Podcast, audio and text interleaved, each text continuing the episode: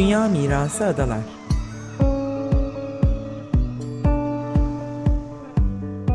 Hazırlayan ve sunanlar Derya Tolgay ve Nevin Sungur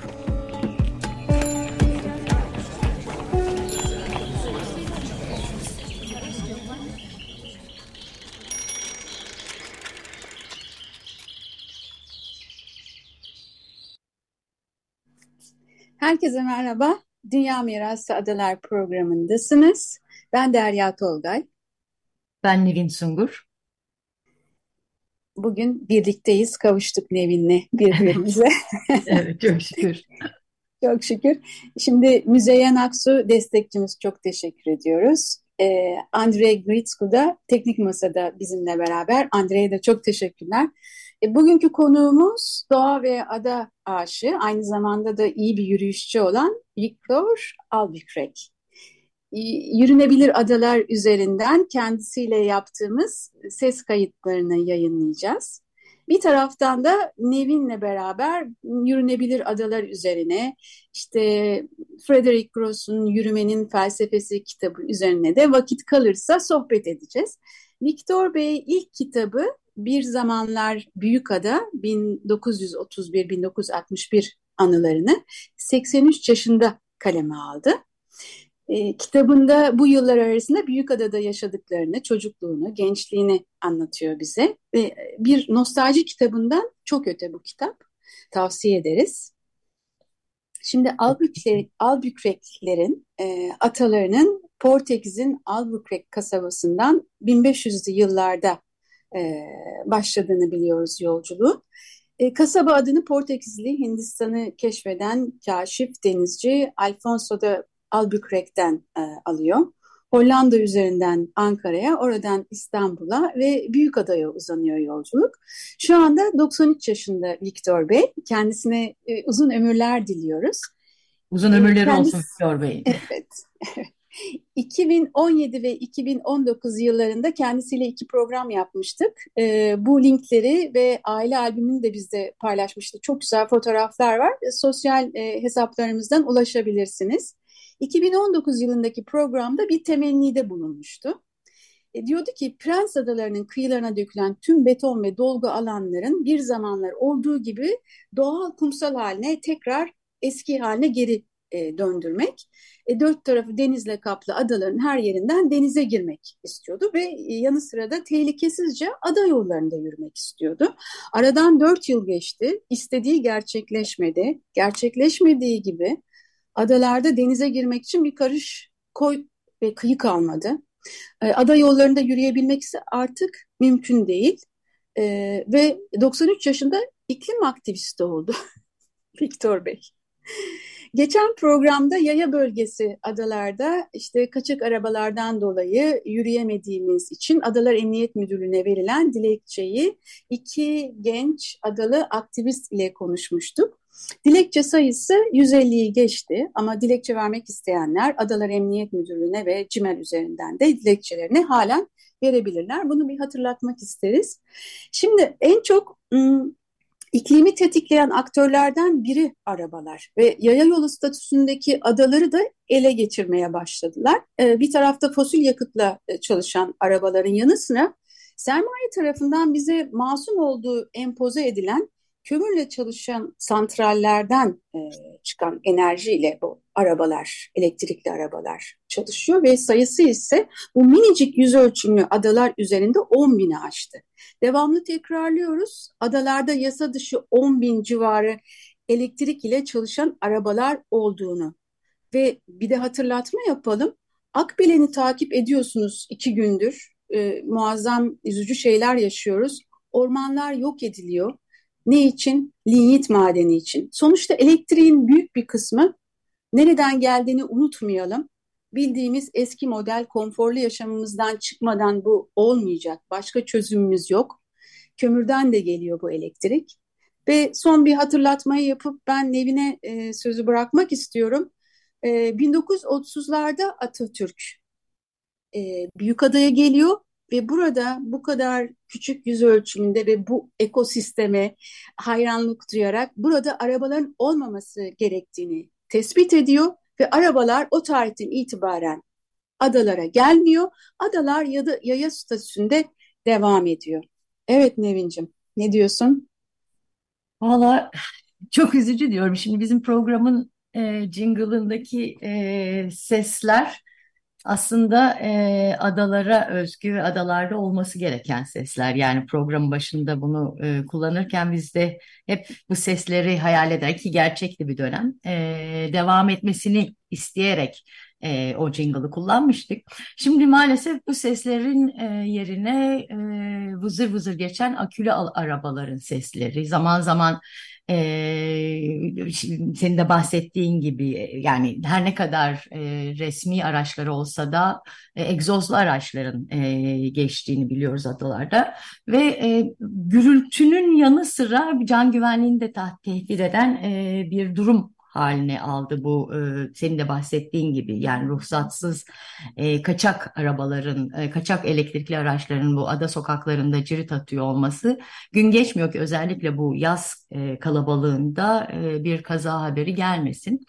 E, tabii ki yani burada tamamen kaldırılmasından yana e, bir çağrı değil bizim yaptığımız. Tabii ki e, buna ihtiyacı olan engelli, yaşlı e, vatandaşların e, ne bileyim yük taşımak için kullanılacak e, araçların olmasına karşıyız. Bizim e, karşı olduğumuz e, bu çığırından çıkan kontrolsüz e, araç yoğunluğu. Şimdi e, sen de bahsettin Viktor Bey. Viktor Bey e, Büyükada'nın yani en e, güzide simalarından biri konuştuğunuzda, e, sohbet ettiğinizde e, enerji aldığınız nadir ve özel insanlardan birisi. Ve yürümek meselesiyle ilgili çok güzel e, düşünceleri, hissiyatı, e, anlattıkları var. E, Derya sen bu e, söyleşiyi kaydetmiştin. E, bu söyleşiyi Viktor Bey'in bize e, söyleyeceklerini dinleyelim. Daha sonra sohbetimize devam edelim. Tamam. Ben küçüklüğümden beri yürüdüm. Daha çocukken beni alışverişe gönderirlerdi. Koşa koşa giderdim. Hatta koştuğum zaman rüzgarı yaratıyor, zevkine kapılır ve daha da fazla koşardım. Hatta dönüşte dahi yokuş yukarı çıkarken sıcak günlerde koşardım ki rüzgar beni serinlesin. Bu koşma yürüme o kadar ailenin içine sindi ki evdeki alışverişleri beni gönderdikleri gibi bir de postacı diye kullanırlardı. Hiç unutmam. Taş Mektebin bulunduğu yokuş, Kadıyoran yokuşunun en yukarısında babamın dostları vardı. Kanaat kitabı sahipleri. Ee, şey ailesi, e, Bayar ailesi vardı. Bir de şey Kalman ailesi vardı. Bir de Doktor Tayıncı vardı yine babamın dostuydu. İşte babamın bazı mektupları, mesajlarını götürürdüm. Koşa koşa tepeye vardıktan sonra yine koşa koşa inerdim. Bu zevki tatmak hakikaten bambaşka bir şeydi. Hele, hele hele gece karanlıkta ben güneşin batışından yemekten sonra hazım için hadi Viktor Paşa koş götürmekti bu oraya. Koşardım. Ee, telefonlar pek çalışmazdı. Babam haftanın iki günü çarşambaları tatil yapar bir de pazar sabahları Hristos Tepesi İsa Tepesi'ne gider orada makale yazar çayını kahvesini içer şezlongda dinlenir öyle doğru dönerdi. O günlerde o sarı saatlerde babamı arayan bir hasta varsa telefonlar çalışmadığı için annem yine beni gönderirdi. İsa Tepesi'ne koşa koşa giderdim.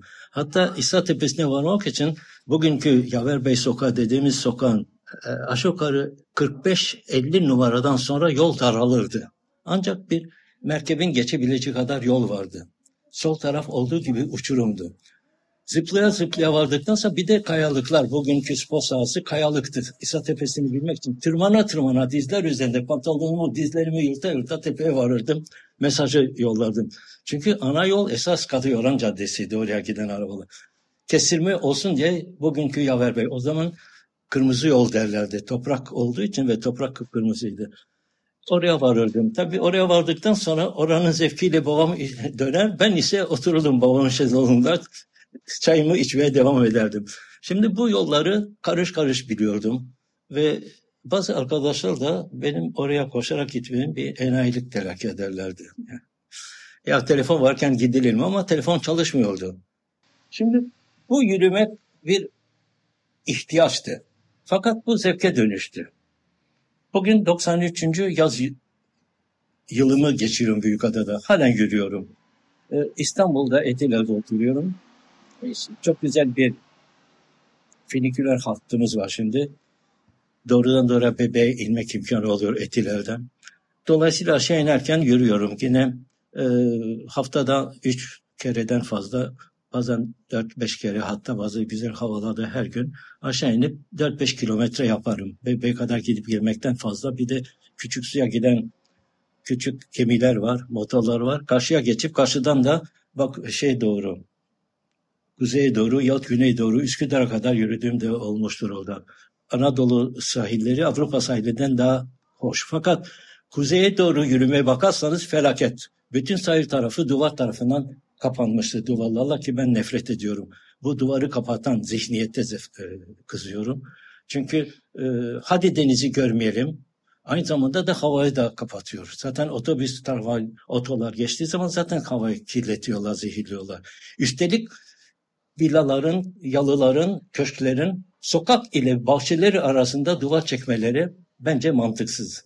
Çünkü bildiğim kadarıyla imar kanununda bahçe içindeki inşaatın sokaktan bahçe duvarından bu kadar içeri, bu kadar içeri olması gereği insanın manzarasını genişletmektir. Bu yalıların cadde üzerinde değil, caddeden biraz sonra başladığına göre o mesafe bizimdir. Halkın Toprak bizim değil ama hava bizimdir. Ben Kıyılarda. böyle düşünüyorum. E, düşünmenin ötesinde yasalar da var. Yasalar var fakat tatbik edilmiyor. Evet. Aynı durum Büyükada'da. Gerek nizam yolunda gerek yukarıya yokuşları çıktığımız zaman bu bahsettiğimiz e, hatta maden tarafında da suni olarak tenekeler, menekeler, çiçekler öyle çirkin vaziyette kapatıyorlar ki havayı kapatıyorlar. Bunlar görüntü kapatmak istiyorlar fakat halkın havasını kapattık. İşte buyurun şimdi de cırcır eden ne, ne, ne yapıyorduk? Ee, kamyonlar, arabalar değil mi? Şu anda sadece topu topu 3-4 dakikadır kayıt yapıyoruz. Burası yaya bölgesi, Büyükada. İşte, Ve işte Büyükada'da fakat bunun kurtulma çaresi var hanımefendi. Kapıyı kapatırsınız, perdeleri çekersiniz, ses gelmez, bir de kulaklığı sökersiniz. Bu sesi duymazsınız ki bazen yapıyorum, emin olun. Kış geldi diye yürümeye bırakmak diye bir şey yok. Yürümek sıhhattır. Bir kere yürümenin en iyi faydası, en güzel faydası. Bir kere hazım, e, tansiyon, damar tıkanıklığı ve bir kasa kasların devamlı olarak çalışması ile insan 80, 90, 93 yaşına gelebiliyor. Yani bunu da görüyorum yani. Belki yürümeseydim şimdi burada olmayacaktım. Bunu da itiraf ediyorum. Çünkü mezun olduğum lisenin bütün sınıf arkadaşlarım yok artık. En çok nerede yürümeyi seviyorsunuz? Büyükada'nın Neresinde? en çok benim sevdiğim toprak üzerinde yürümek. Ve Büyükada'da toprak olarak kalan yer tavsiye ederim mutlaka gidin. Luna Park'a kadar asfalta yürüyün. Sakın arabaya binmeyin. Çünkü zaten arabalarda yer bulamazsınız. Güneş altında kuyruk beklemek var. Dolayısıyla nizama vardıktan sonra köprüden aşağı inin. Yorulduysanız yokuşu çıkmadan evvel köprünün altında dinlenirsiniz. Orada beklemek kanapeleri var caminin karşısında. Ondan sonra iki yol var. Ya ışıklara direkt yokuş çıkarsınız ya da sağ tarafta Dirbulu'ndan çıkarsınız. Dirbulu'ndan çıkarsanız size bir eğlence. Dirbulu'ndan vardıktan sonra sola dönmeyin, direkt Yürükale'ye inin. Beyrukale'ye vardıktan sonra denizin ucuna kadar gidin. Oradaki özel olarak girmek yasaktır deseler de siz rica edersiniz bırakıyorlar. Orada ucuna kadar gidersiniz, bir nefes alırsınız, mahtıları seyredersiniz. Ondan sonra eski akılların yokuşundan Luna Park'a varırsınız. Bugün Birlik Meydanı dedikleri Luna Park. Luna Park'tan sonra ya büyük turu yaparsınız ya da daha zevkli sol taraftan eski Rum yetimhanesinin yolunu tutarsanız bir müddet sonra sol tarafta toprak yola girersiniz. Ve bu toprak yol sizi Türkoğlu Caddesi'ne kadar çıkarır. O yol müthiş bir yol. O toprak yolda yürümek kadar zevkli bir şey yok. O toprakta yürüdüğünüz zaman karşınıza köpekli beyefendiler, köpekli zarif hanımlar çıkabilir, muhabbet edersiniz, durursunuz. Sağ taraf ormanlık, sol taraf ise sonsuza kadar deniz ufukta gözükür. Arada bir Yasya'da, Sivriada, Heybeliada, her güneş batışına kadar beklersiniz. Oradaki iki, üç kanape var. Bir tanesi galiba çalınmak istedi. çimentosuyla sükülmüş yerinden kondu. O onu tavsiye ederim. Biraz yüksek olduğu için dinlenirsin. Diğer ikisinin ayakları toprak gömülmüş olduğu için dinlenmekten ziyade yorulursunuz. Fakat en çok nefret ettiğim etrafa baktığınızda o üç kanepenin etrafı sigara izmaritiyle dolu. Felaket bir durum. Adam yürümeye geldiysen ciğerini niye zehirliyorsun? Ha, adam yürümeye geldiysen ormanı niye yakma sebep olabiliyorsun? İkinci tehlike bu. Yani hakikaten insanın ormana gidip sigara içmesinden hiçbir mana veremiyorum.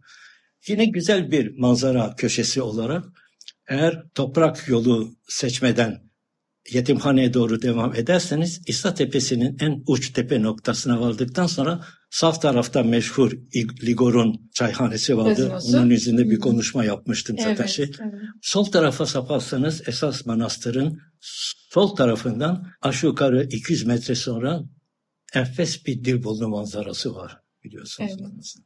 O Dilbollu manzarasından sonra eğer cesaret deniz varsa çalılıklar arasından tekrar manastırın alt mezarlığına kadar gidersiniz. Fakat orası tehlikeli. Çünkü keçi yolu ve, ve maalesef keçi kalmadığı için keçi yolu kapandı. Bu sefer dizlerinize pantolonunuz da yırtılabilir. Geçtiniz mi oradan? evet. Çalılıklar o kadar büyüdü ki. Halbuki keçi yoluydu eskiden. Keçiler gelirdi. Şimdi keçi yok, kuzu yok. 3-5 tane danamız var. Eşeğimiz Ona da şikayet yok, edenler var. Atımız yok. Atımız maalesef yok. Onu ağlamayalım. Eşeklerimiz şimdi. yok. Eşek, eşek, işte. Bilmem anlatabildim mi? Yani yürümenin yürümenin gereği istifası tabii bunun yanında motorize cihazların sesi olmadığı için kuşları dinlersiniz. Böcekleri dinlersiniz. En güzeli kendinizi dinlersiniz kendinizin siz olduğunuzu ve sizin bu dünyada bir varlık olarak yaşadığınızı, Allah'ın size göz verdiğini, kulak verdiğini, zihin verdiğini, nefes verdiğini, ve ayak verdiğini, ayak verdiğine şükredersiniz. bu ayaklarımızı oraya kullanalım. Taner Öngür'ün dediği gibi ayaklarını unutan Adalılar ama ayaklarını unutan dünyalılar galiba demek daha da doğru olacak. Evet, hepinizi yürümeye davet ediyorum. Benim tasavvurum haftanın belirli günü adalılar Çankaya Meydanı'nda toplansın ve toplu olarak en aşağı 50 kişi, en çok 200 kişi. Büyük tur yapalım. Şahane, yürüyelim. Yürüyerek. yürüyelim, yürüyelim. yürüyelim. Tamam. Hep beraber yürüyelim. Ayakkabı tabanı açılabilir. Çünkü başıma geldi bir iki defa. Şahane Maalesef kundurular pek sağlam değil. Bugün yapışma ile yapılıyor. Eskiden tamam. dikiş ayakkabıları vardı. Şimdi dikişli yok, yapışmadı. Sıcaktan mıdır yahut kurumaktan mıdır bilmiyorum. Bazen bu bez ayakkabıların tabanları patlıyor. Dolayısıyla yedek ayakkabıyla de çıksak iyi olur. Tamam Yardımcı olur. Ve bu yürüyüşü mi? yapalım. Maşallah tamam. iyi ki varsınız. Sizin peşinizden yürümeye geleceğiz. Tamam o zaman kişileri üzere. siz toparlayın. Tamam anlaştık. Tamam. Akşamüstü saat 5'te yola çıkılır. Tamam. 8'de dönülür. Tamam. İsterseniz arada bir Kadir Bey'in orada bir çay içersiniz Kadir tamam. Bey'de. Hemen organize mavi, edelim. Mavi'de bir kahve içeriz. Kadir'de çay içeriz. Dönüşte eğer açıksa müzede de bir sandviç yeriz. Yahut Bey bugün açıldı ya şeyin belediyenin Berturu var. Bertur. Berturu tamam. çok güzel. Sarı çadırlar tamam. arasında. Ee, orada bir dinlenme molası veririz. Ve ondan sonra maden yolundan tekrar Çankaya döneriz. Harika. Evet, e, yürürken düşünenler, üretenler listesi epey e, kabarık. E, çoğu da uzun ömürlü ve çok üretken düşünürler. E, birkaç müstesnanın dışında Nietzsche, Kant, Sokrates, Platon, Jean-Jacques Rousseau, Kierkegaard, e, Rimbaud, e, Whitman, Ralph Waldo Emerson, Thoreau değil mi? Kitapta hep bunlardan alıntılar da vardı Nevin. Evet, evet yani e, güzel bir kitap gerçekten. E, yani okumanızı şiddetle tavsiye ederim. Bir de e, Diken'de sana Murat Sevinç'in bir yazısı var e, bu konuyla ilgili. Ya şey e, demin Viktor Bey dinlerken böyle çok da güzel anlatıyor ya böyle bir tasvir ederek her şeyi ince ince evet. detaylarıyla anlatıyor ya yani böyle hani bizi dinleyenler bilmiyorum gözünde yani benzer şeyler canlandı mı ama e, bu adalarda yürümek meselesi e, gerçekten çok keyif verici yani keyif verici olması gereken bir şey. Dolayısıyla e, bunu tehdit eden daha doğrusu bunu tehdit eden şey insanı tehdit eden şey bir taraftan da. E, buna zarar veren bu insanın huzuruna burada e, bulduğu işte Viktor Bey'in söylediği gibi kuş sesleriyle, martı sesleriyle bulduğu huzuru e, korumak çok önemli. Bu yüzden e, çabamız bizim de, bu yüzden Viktor Bey'le konuşmamız ve onun bize anlattıklarına ışık olmasını dilememiz. Bu işte senin dediğin gibi kitapta da uzun uzun bu yürüme meselesi ve insan olma meselesiyle ilgili çok güzel tasvirler var. E, Victor Bey aslında bir filozof gibi konuşmuş ama onun söyledikleri aslında farklı cümlelerle bu kitabın içinde. E, oradan bir çok iki cümle e, söylemek istiyorum sonra sana devredeceğim. İki ayrı kitaptan bahsediyoruz kafa karışıklığı olmasın bu arada. Aa, evet evet yani benim e, şu anda bahsettiğim e, Yürümenin Felsefesi e, Fransız felsefe profesörü Frederick Gon'un e, kitabından bahsediyorum. Orada diyor ki e, basit olanın yeniden keşfedilme, keşfedilmesidir aslında yürümek. Konfordan vazgeçerek keşfedilen bir basitlik. İnsana iyi gelen de bu basitlik. Kalabalığın her türünden sıyrılmak aslında. Evet. Ee, bir de kitaptan bir bölüm e, seçtik. Bu kitap e, Victor Bey'in kitabından Saat Ayarı. Bunu bir size e, aktarmak istiyoruz. Adada uyanmak ve günlük işleri ayarlamak için şimdiki gibi pilli saat bolluğu yoktu. Fakat her şey düzenli işlerdi. Sabah ilk ikaz horozlardan gelirdi. Bir müddet sonra sarnıç ve kuyulardan çatıdaki depolara su basan tulumbacıların baş kaldırı sesleri duyulurdu. Mahallede bulunan her bir tulumbacının gıcırtı tınısı farklı olduğundan o anda emekli güreşçilerden hangisinin hangi tulumbadan su bastığı ve saatin kaç olduğu uzaktan anlaşılırdı. Katır ve merkep sırtındaki küfelerde satış yapan seyyar satıcılar da her gün aynı saatte mahallemizden geçerdi. Sabah 9'da taze enginar, onda kösmece karpuz sesleri işitir, saatin kaç olduğunu anlardık. Saat 11'de yanları çekmeceli iki tahta valiziyle koşar adım yürüyen aceleci seyyar manifaturacı Nesim Efendi'nin makraiçi diye bağıran keskin sesi duyulurdu. Saat 12'de eskici Kiryo Haralambos'un Paliyerhaçi öğle sıcağında muslukçi hemen ardından Halis Bulgar kömürü saat 13'te Kalaylaçi sesleri mahallede yankılanırdı. Sabah 15'te unlu mamullerini satmak için Heybeliada'dan gelen Abramovich'in Boreka kaymak çığlığı ve saat 18'de Hacı Baba'nın akşam yoğurduğu boğuk sesi günlük hayatımızı zamanlamamız için e, bir rehberdi. Fakat her halükarda adamız günün en sıcak vakti olan 14 ile 16 saatleri arasındaki bunaltıcı ve ağır havası altında esrarengiz ve korkunç bir sessizliğe gömüldü.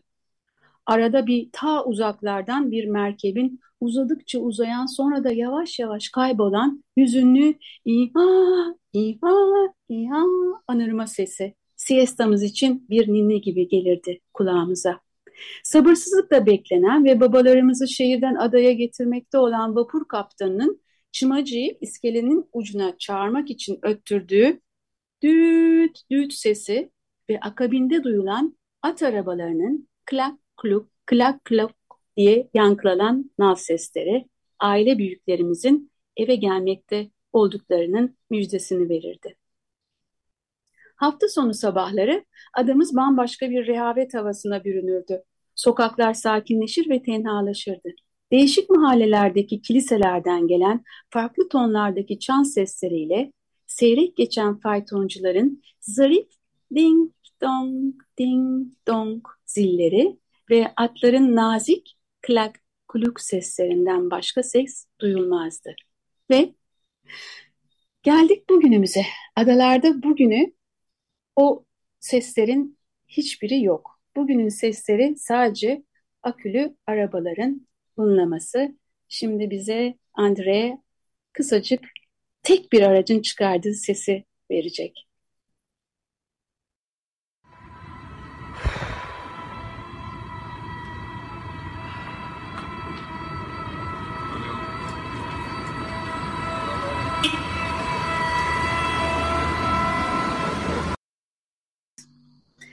Evet.